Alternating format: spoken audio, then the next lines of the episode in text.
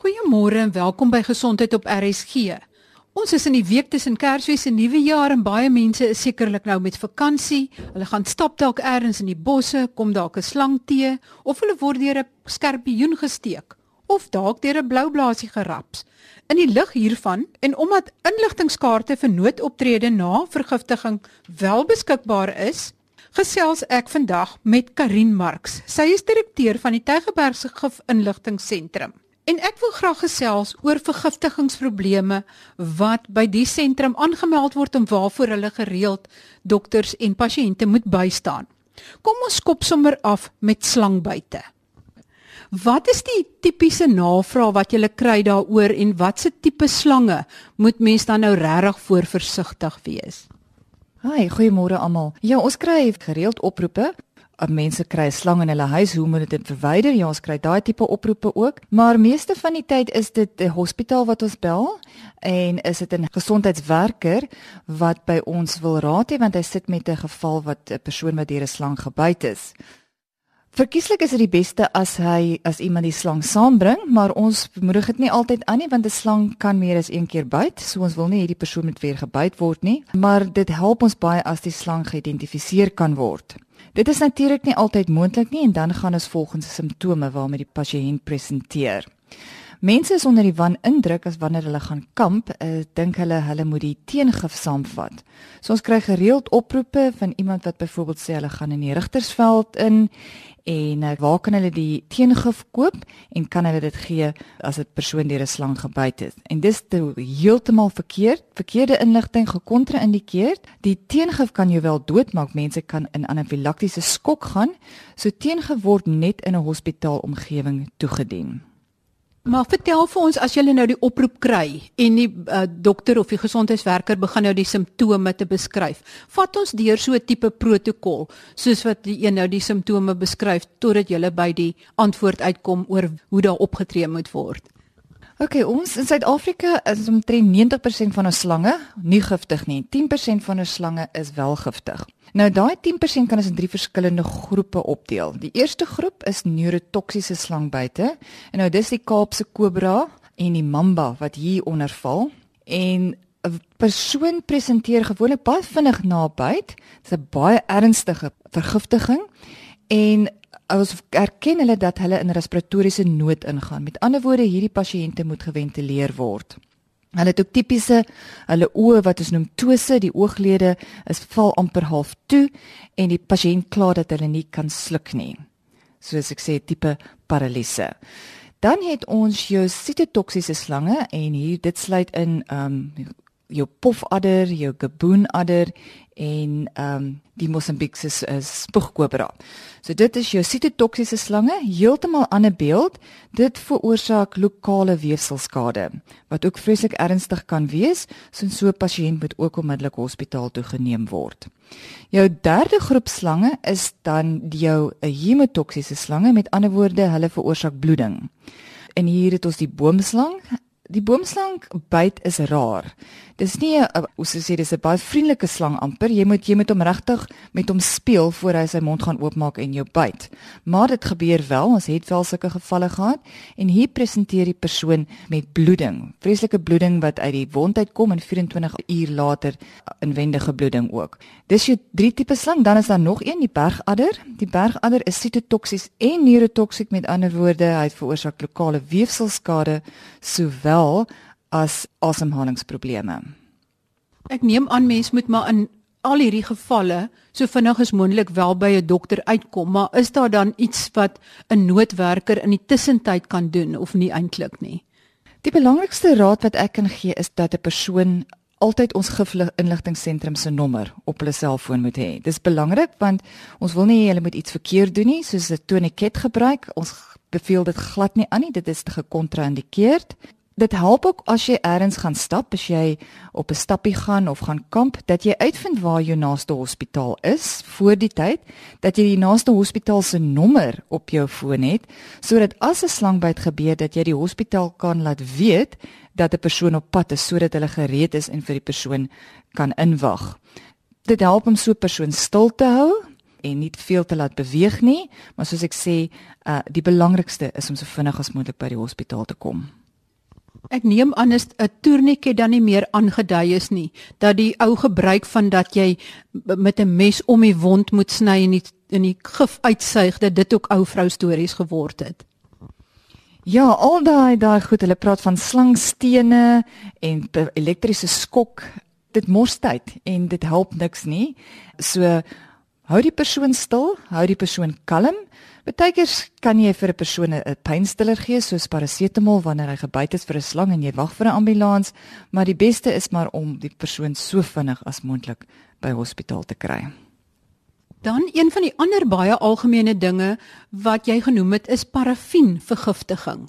Hoekom is dit so groot probleem en dit klink asof ouers in hulle angstigheid om te help eintlik dikwels 'n verkeerde ding doen wat jy sien teenoorgestelde uitwerking het. Vertel vir ons bietjie meer daarvan. Ja, parafin groot probleem is dat baie dikwels stoor persone parafin in plastiese bottels, soos byvoorbeeld koeldrankbottels. Iemand loop verby, 'n kind per ongeluk of 'n volwassene en hy wil 'n slukkie water vat en dan drink per ongeluk 'n slukkie parafin. Parafin sistemies is die toksisiteit baie laag, maar hy het 'n tipe werking omdat dit 'n viskose substans is. Soos byvoorbeeld as jy dit laat val op die tafel, dit sprei onmiddellik. Omdat dit so substans is, kan dit wel versprei in die longe en dan longskade veroorsaak in die tipe dat hulle ontwikkel 'n pneumonie. Dit is raar, maar kan wel gebeur, maar die kanse verhoog soveel meer as jy so 'n persoon laat braak. Dis hoekom jy op ons gifverligtingkaart duidelik sal sien, dit staan daar in gekleurde blokkies uh, in geel dat jy definitief nie die persoon moet laat braak nie en jy kan 'n klein hoeveelheid bietjie uh, water gee, maar gewoonlik is die beste om om so 'n persoon net in 'n wagkamer te laat sit en dop te hou vir 5 tot 7 ure. Ek sien ook hierso op hierdie baie interessante tabel dat dit ingedeel is in wat jy nie moet doen nie en wat jy moet doen en soos wat jy genoem het, parafinus in die lysie wat sê in die volgende blootstelling moenie braaking aanbring nie. Moenie enigiets gee om te drink of te eet nie en dan is hierdie hele ry goed soos byvoorbeeld asetoon, knopie batterye, bensien, kanverolie, koolstof tetrakloried, ontsmettingsmiddels insekdoders, insekafweermiddels en 'n hele lysie wat dan ook parafin verf, verfverwyderaars, onkruiddoders, petrol, slakgif, verdunners, terpentyn en vernis insluit. Met ander woorde, hierdie mense moet glad nie gehelp word om te probeer braak nie. Dan 'n ander baie interessante ding is natuurlik insekgif of gif wat mens sommer oor die toonbank of by die stasie of so kan koop vir baie goedkoop Wat 'n soort gif is dit en waarvoor word dit dikwels gebruik? Is dit amper soos rotgif of is dit nie rotgif nie? Ja, dis dis beslis rotgif. Soos ons weet, uh baie van ons populasie in Suid-Afrika bly in digbewoonde areas en dis is 'n uitbroeiplek vir pes, vir rotte. En die mense wil ontslaa raak van die rotte want die rotte eet hulle kos, dit dra siektes en hulle wil ontslaa raak en hulle wil iets koop wat baie vinnig werk wat baie effektief werk en wat goedkoop is. Nou ongelukkig kan jy op uh, die taxi laaiplekke uh, waar hulle ander goed verkoop van lekkers tot tot haar uh, middels kan jy ook pestisiede koop. En die tipe pestisiede is ons praat byvoorbeeld hier van 'n stof uh, dis 'n karbamaat die naam van dit is two step. Dit lyk so swart suiker omtrent 'n teelepeltjie vol kan jy so tussen 5 en 10 rand koop. Dit kom in sulke klein strootjies. Nou hierdie goed meng jy met met kos, jy sit dit uit vir die rotte en werk baie effektief. Maar ongelukkig kry kinders dit in die hande of volwassenes neem hulle lewens daarmee en dit is baie ernstige vergiftiging. Hulle presenteer met tipiese organofosfaat simptome. Beskryf vir ons daai organofosfaat simptome. Wat gebeur? OK, dis gewoonlik baie vinnig na inname. Tipies die pasiënte het braking en diarree. Wat ons sien, ons sien vreeslike sekresies. Uh sweet, terugheid, tranerigheid en baie 'n uh, uh, spoeg wat by die mond uitkom en dan ontwikkel hulle ook baie sekresies op hulle longe wat ons noem bronchoree en dit kan dan asemhalingsnood veroorsaak. Is dit dan ook dieselfde simptome wat mens sien as hierdie toestep vir honde gegee word? Ja, beslis. Dis wat die ouens gebruik, die diewe gebruik as hulle honde wil vergiftig. Hulle sit 'n bietjie in 'n stuk vleis in en omdat dit so baie vinnig werk en so effektief werk, kry jy presies dieselfde simptome in 'n hond en hierdie honde begin op 'n asemhaal. En jy het gesê net 'n baie klein hoeveelheid is nodig om selfs 'n volwassene dood te maak. Ja, dis omtrent so, ek sal sê 'n teelepel vol. En en tipies ons kry gereeld oproepe van rotgif, blootstelling en my eerste vraag gewoonlik aan die dokter wat bel is, is ek vra vir jou pasiënt want almal dink rotgif is die wat jy in die supermarkte koop wat 'n uh, bloeding veroorsaak wat uh, warfarin is. En nou dink die dokter dat dit dieselfde is. So as hy met hierdie simptome presenteer, dan sal ek eers vir die dokter vra, vra vir die pasiënt of dit swart suiker of swart peper is of dit lyk so swart suiker of swart peper. En baie dikwels kom hy terug en hulle sê ja, dit is dit is wat hulle geneem het. Nou as mens nou vasgestel het dit is hierdie tipe two-step of hierdie organofosfaat, is daar 'n teenmiddel daarteen? Wat kan mens daarvoor doen? Ja, jy moet onmiddellik hospitaal by die hospitaal kom. Dit kan lewensbedreigend wees vir die persone op met asemhaal, so hy moet geventileer word. En in die hospitaal sal hulle dan die teenmiddel atropine aan die pasiënt toedien. En as dit nou regte oudtydse rotgif is wat bloeding veroorsaak, kan mens iets daarteen doen. Ja, jy sien in in so 'n geval altyd be beste om die gifinnigingssentrum onmiddellik te bel, maar hierdie bloeding gebeur oor 'n lang tyd. Dit gebeur oor oor 24 na 48 uur voor die pasiënt simptome toon en ek moet ook noem dat jy baie moet eet. 'n Kind moet omtrent 2 hoop vol lepels 'n uh, rotgif eet en 'n volwasse amper 'n halwe boks voordat hierdie ernstige bloedingsneigings het. Ons sien nie baie van dit nie, maar weer eens baie keer word die teenmiddel onmiddellik aan die pasiënt gegee wat gekontra-indikeerd kan wees.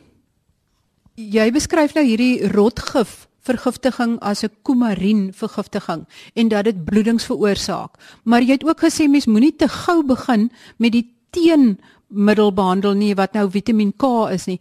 Hoekom nie?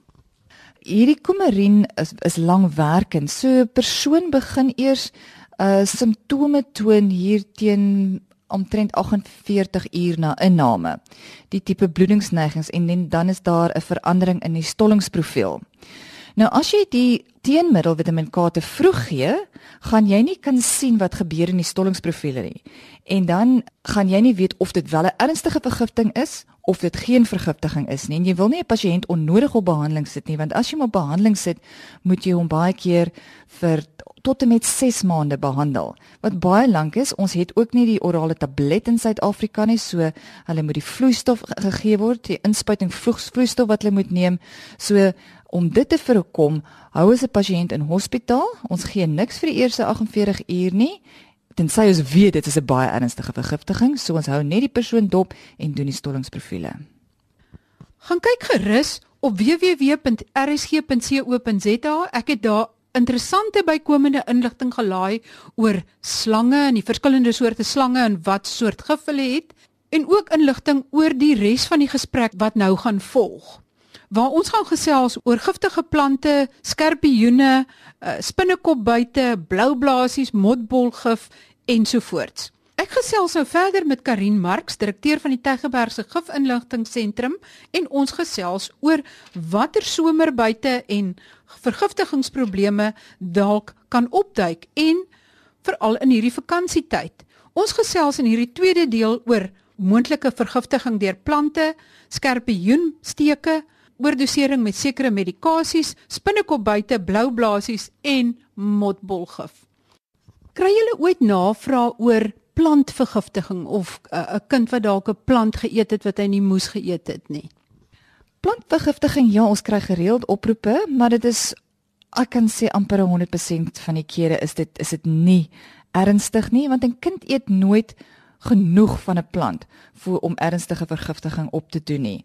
Ons vat byvoorbeeld iets soos die uh Syringa bessie waar daar gesê word dat as jy gaan lees daarop dat dit baie baie giftig is, maar ons weet 'n kind sluk die bessie in en dit word deur die liggaam uitgeskei sonder dat enige vergiftiging plaasvind.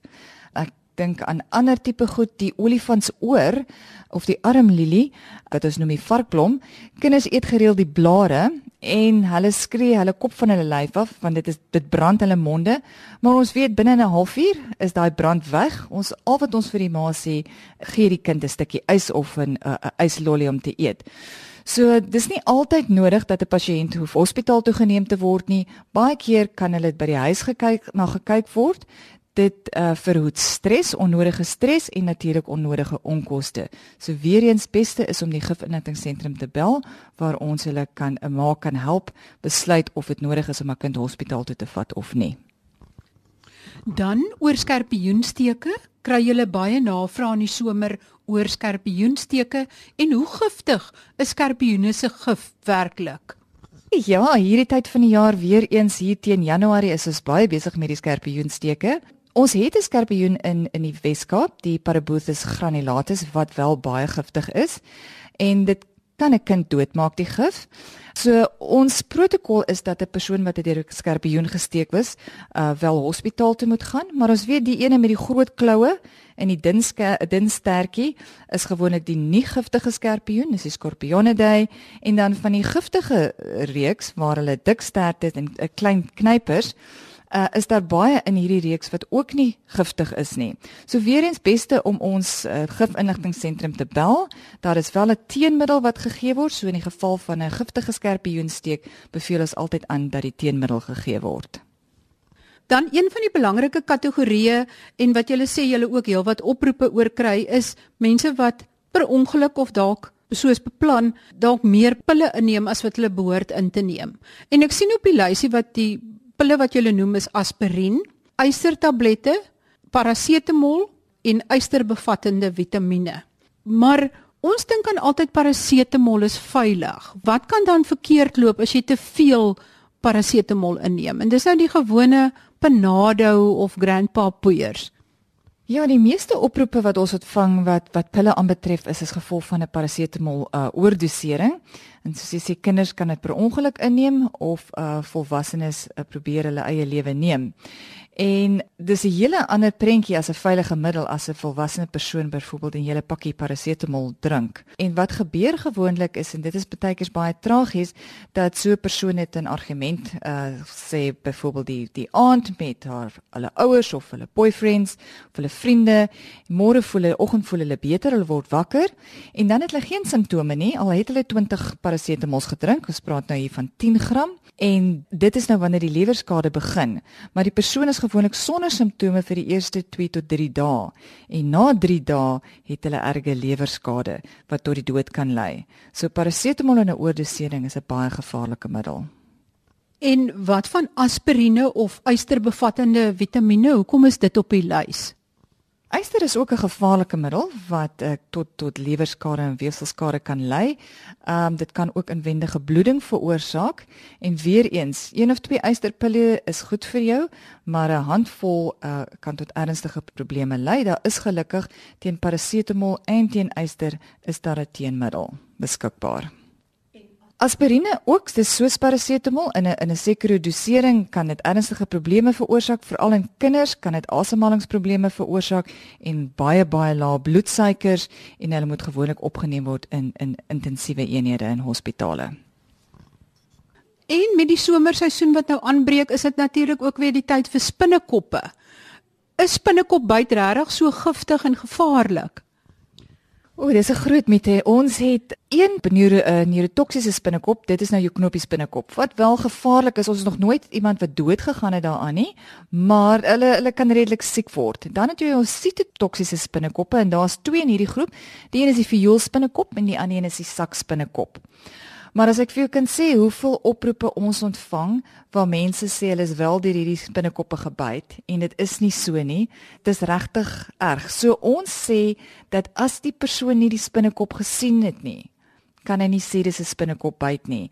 En natuurlik is daar ook nie teenmiddels teen jou ehm um, sakspinnekop en vioolspinnekop nie. So dis basies hou die wond skoon, gaan na jou dokter toe, kry antibiotika, maar mense is onder die wanindruk om te dink dat hulle gaan gate in hulle bene kry en hulle gaan ledemate verloor en dit is nie so nie. En wat dan van as mens by die see is en blou blaasies, is daar iets wat kan help teen 'n blou blaasie? Wat moet jy doen as jy ehm um, is dit gesteek word? Ja, dis is die tyd van die jaar en ehm um, ja, so ons kry nou weer gereeld oproepe van hierdie blou blaasies. Die blou blaasies het hierdie hierdie lang uh, kan ek amper sê angels wat hulle agter hulle tentacles wat hulle agter hulle aantrek en dit het dit selletjies in daar wat as dit in kontak met jou vel kom, dan laat hulle hierdie gif los. En dit is natuurlik 'n baie erge brandpyn. Nou die probleem is die eerste ding wat 'n ma gaan doen is sy sien 'n kind is geslaan, sy gryp die bottel minerale water en sy gooi dit uit op die op die blou blaasie op die merkie. En dan wat die blou blaasie dan doen, dit aktiveer hom om nog meer gifselletjies vry te stel. So baie belangrik dat jy nie vars water gebruik om op die brandplek te sit nie, maar dat jy dit afspoel so goed as wat jy kan met seewater. Gryp sommer 'n skerp voorbeeld wat byvoorbeeld 'n kredietkaart en krap probeer dan die selletjies afkrap. Later kan jy die kind dan in 'n warm bad sit so warm as moontlik want dit bring pynverligting. As jy moet opsom en sê uh, ek kyk nou na al hierdie klomp goeters op die tabelle en daar's so baie goeters wat mens kan drink wat of kan inkry wat verkeerd kan wees parfuum, plante, rottegif, mercurochrome, gom, uh waspoeier, wassoda, weet die lys is oneindig. En ek sien wat vir my baie interessant is is dat in die meeste gevalle, in die meeste kategorieë sê jy moenie braking aanbring nie. Is dit byvoorbeeld 'n algemene ding wat ouers baie keer dink hulle moet doen en dan doen hulle dit foutief dat hulle braking wil aanbring? Ja, definitief ehm um, dit word nie gereeld aanbeveel nie. Soos jy kan sien, daar is 'n blokkie met groen waar ons wel sê jy jy kan 'n uh, eh, braking aanbring. Ehm um, maar baie keer vind ons dat die ouers weet nie om te doen nie. Dis onsuksesvol. Hulle maak die kinders seer. Uh dit hou sy eie gevare in. So normaalweg bel die gifinligtingseentrum en ons sal jou help om te besluit of dit ernstig is of nie. En as dit vinnig na inname is, is daar altyd geaktiveerde houtskool wat die meeste klinieke of selfs apteke aan die kind kan gee. So ek dink braking is nie meer iets wat ons algemeen aanbeveel nie. Is die uh geaktiveerde houtskool iets algemeen wat mens maar in jou noodhulp tassie moet hou? Ek sal sê ja, maar ook nee. Ek sal sê ja, hou dit aan, maar bel eers die gifinligtingseentrum want byvoorbeeld sê maar 'n kind het iets gedrink wat 'n bytmiddel is, uh, 'n suur of 'n alkali, dan is dit gekontraindikeerd want baie keer moet die moet die dokter 'n endoskopie doen en wat gebeur nou as jy hierdie swart goed in jou maag het? Byvoorbeeld as 'n kind parafin drink, geaktiveerde houtskool gaan nie werk nie en gaan hom dalk kan laat, laat braak. So hou dit wel aan dat dit beskikbaar is, maar bel ons eers om te weet of dit geïndikeerd is. Ook hier by ons is Sherilyn Weem. Sy was aktief betrokke by die opstel van hierdie nuwe behandelingstabelle wat baie interessante inligting bevat. En ek het nou verneem dat een van die groot foute wat ouers ook dikwels maak is dat as 'n kind sê maar byvoorbeeld 'n motbol ingekry het dat hulle vir hulle melk gee. Nou dit is 'n natuurlike reaksie want jy dink die melk gaan die gif versag. Maar is dit reg of is dit verkeerd? Dit is verkeerd veral met 'n motballetjie en ons is soos jy reg gesê het geneig om dadelik maar melk te gee. Daarom beveel ons egter aan dat gee liewer 'n vloeistof, verkieslik dan nou water, want in 'n geval van motballe dit bevat naftaleen en die melk gaan die naftaleen vinniger laat absorbeer word. So omdat daar nie baie substansie is wat ons sê moenie melk gee nie, is dit eintlik veiliger om glad nie melk te gee nie want dan weet jy jy's veilig. Baie dankie. Ek dink twee belangrike goed wat ek vandag geleer het is moenie sommer die kind probeer laat braak nie en gee eerder water as melk en kom so vinnig as moontlik by hospitaal en bel natuurlik die gif inligtingshulplyn. En die nommer en gaan skryf dit sommer nou dadelik neer is 0861 555 777 0861 555777 en gaan kyk gerus op www.rsg.co.za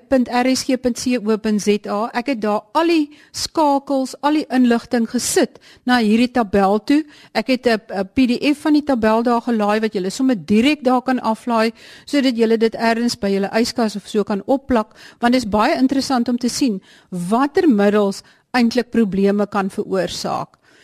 Dit is aan die laaste program vir hierdie jaar. Ek wens alle luisteraars 'n wonderlike 2017 toe. Ek hoop dit is oorlaai met hoop gesondheid. Tot volgende week, tot volgende jaar, dan gesels ons weer. Totsiens.